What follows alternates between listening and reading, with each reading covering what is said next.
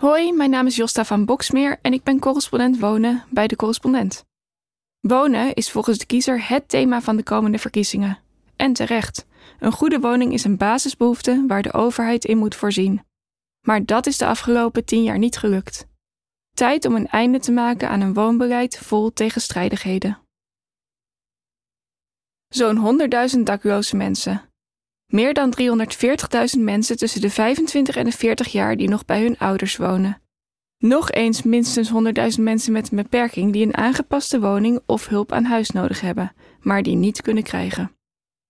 Wie deze cijfers tot zich door laat dringen, begrijpt meteen waarom wonen volgens meerdere peilingen een van de belangrijkste thema's is bij de verkiezingen van 22 november. Kiezers vinden de wooncrisis belangrijker dan de opwarming van de aarde, de stikstofuitstoot en de tekorten in de gezondheidszorg. Een goede woning is namelijk een basisbehoefte. Wie geen geschikt huis heeft, vindt minder makkelijk werk, heeft meer moeite sociale contacten te onderhouden en krijgt sneller gezondheidsproblemen. Mijn vraag aan partijen deze verkiezingen is dan ook: wat gaan jullie doen om in die basisbehoeften te voorzien? Bevordering van voldoende woongelegenheid is voorwerp van zorg der overheid, staat in artikel 22 van de Grondwet. Er was een tijd dat de overheid dit letterlijk opvatte. Het was haar taak om voldoende betaalbare huizen te bouwen. Dat was tijdens de woningnood waar Nederland na de Tweede Wereldoorlog mee kampte. Jarenlang was er niets gebouwd en veel bestaande huizen waren beschadigd. De overheid ging die nood te lijf met enorme aantallen nieuwe woningen. Tussen 1964 en 1990 kwamen er jaarlijks tussen de 100.000 en 150.000 woningen bij. Dat kon dankzij flinke subsidies en strenge regels, waardoor de huur of de koopprijs niet te hoog werd. Maar in de jaren 80 werden die subsidies zo hoog en liep de staatsschuld zo sterk op dat de overheid het niet vol kon houden ze te betalen.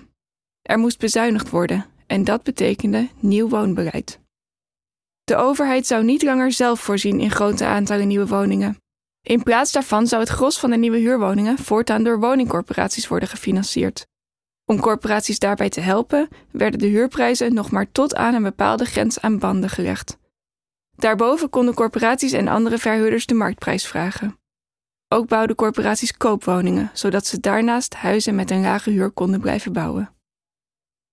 In 2013 vond er een tweede grote verandering plaats. Woningcorporaties waren niet langer de aangewezen partij om het overgrote deel van de betaalbare woningen te bouwen en verhuren, vond het kabinet. Dat moesten beleggers gaan doen. Corporaties hadden zich in de jaren daarvoor impopulair gemaakt met een aantal projecten die wel heel gedurfd waren, zoals de verbouwing van een cruiseschip en speculatie met gevaarlijke rentederivaten. Ze hadden er enorme verliezen opgeleden. Bovendien was VVD-minister Stef Blok van mening dat de woningmarkt het beste functioneert als de overheid zo min mogelijk ingrijpt. Woningcorporaties zijn dan wel onafhankelijk van de overheid, indirect worden ze wel degelijk door de staat ondersteund. Ze krijgen een garantie op hun leningen en gemeenten geven hun korting op bouwgrond. En dus kunnen ze goedkoper bouwen dan beleggers. Als er minder sociale huurwoningen zouden zijn, zou het aantal huizen in de vrije sector toenemen waardoor de prijzen zouden dalen zonder dat de overheid daar iets voor hoefde te doen. Blok legde de corporaties een hoge belasting op, die ze aan moest sporen de huren te verhogen en woningen te verkopen. En twee jaar later, in 2015, kwam er een strenge grens aan wat corporaties mochten doen. Ze mochten bijna alleen nog maar woningen verhuren aan huishoudens met een inkomen onder de 35.000 euro bruto per jaar. De rest van de huishoudens is sindsdien aangewezen op een koophuis of op een huurwoning van een belegger. Dat dit beleid niet werkt, is inmiddels bekend. Er zijn nu naar verhouding iets meer huurwoningen in de vrije sector dan in 2013, maar de huurprijzen die beleggers vragen zijn vaak hoger dan wat mensen kunnen betalen. Ondertussen is de nieuwbouw door corporaties gehalveerd. De gevolgen? Wachtlijsten van meer dan 10 jaar voor een sociale huurwoning zijn inmiddels geen uitzondering meer. In de vrije sector komt het vaak genoeg voor dat huishoudens meer dan de helft van hun besteedbaar inkomen uitgeven aan wonen.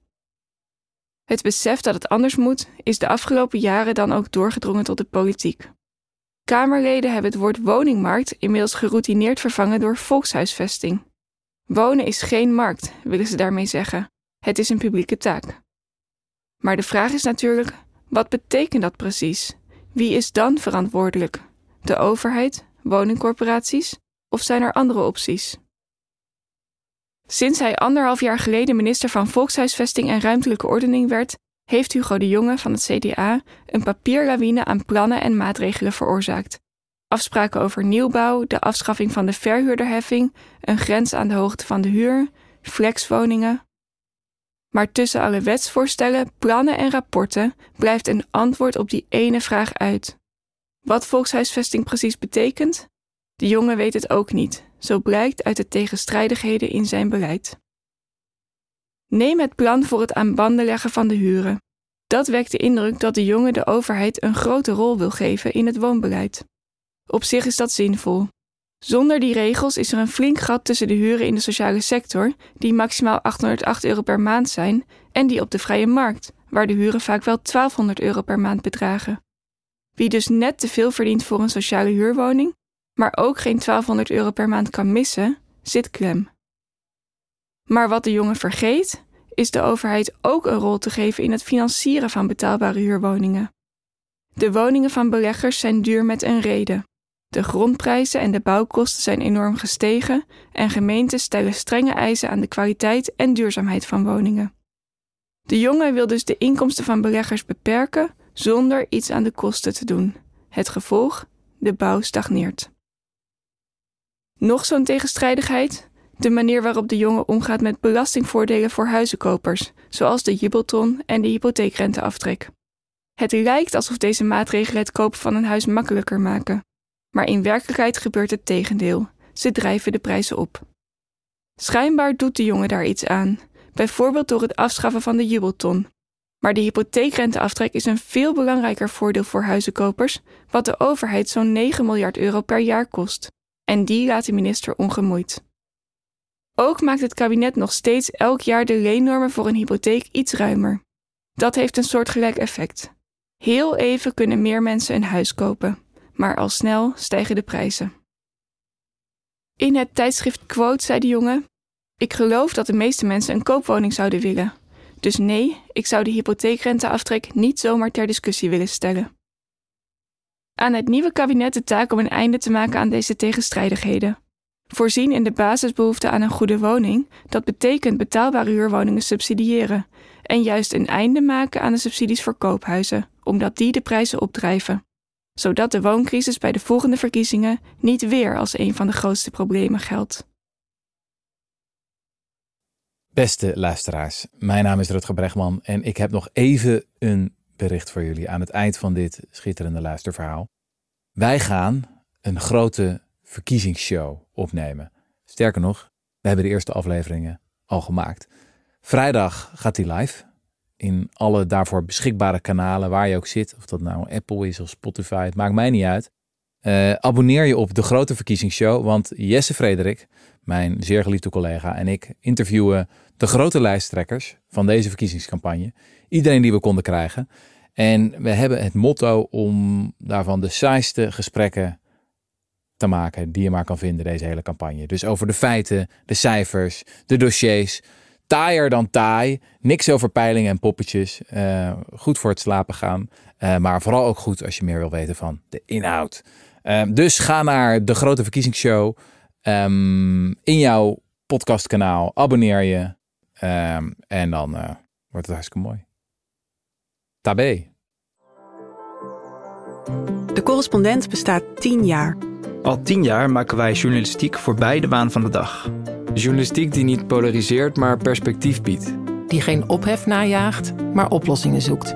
Wist je dat de correspondent 100% door leden wordt gefinancierd? Dat betekent dat we ons werk alleen kunnen doen als luisteraars zoals jij ons steunen. Word vandaag nog lid. En draag bij aan diepgravende, advertentievrije en onafhankelijke journalistiek.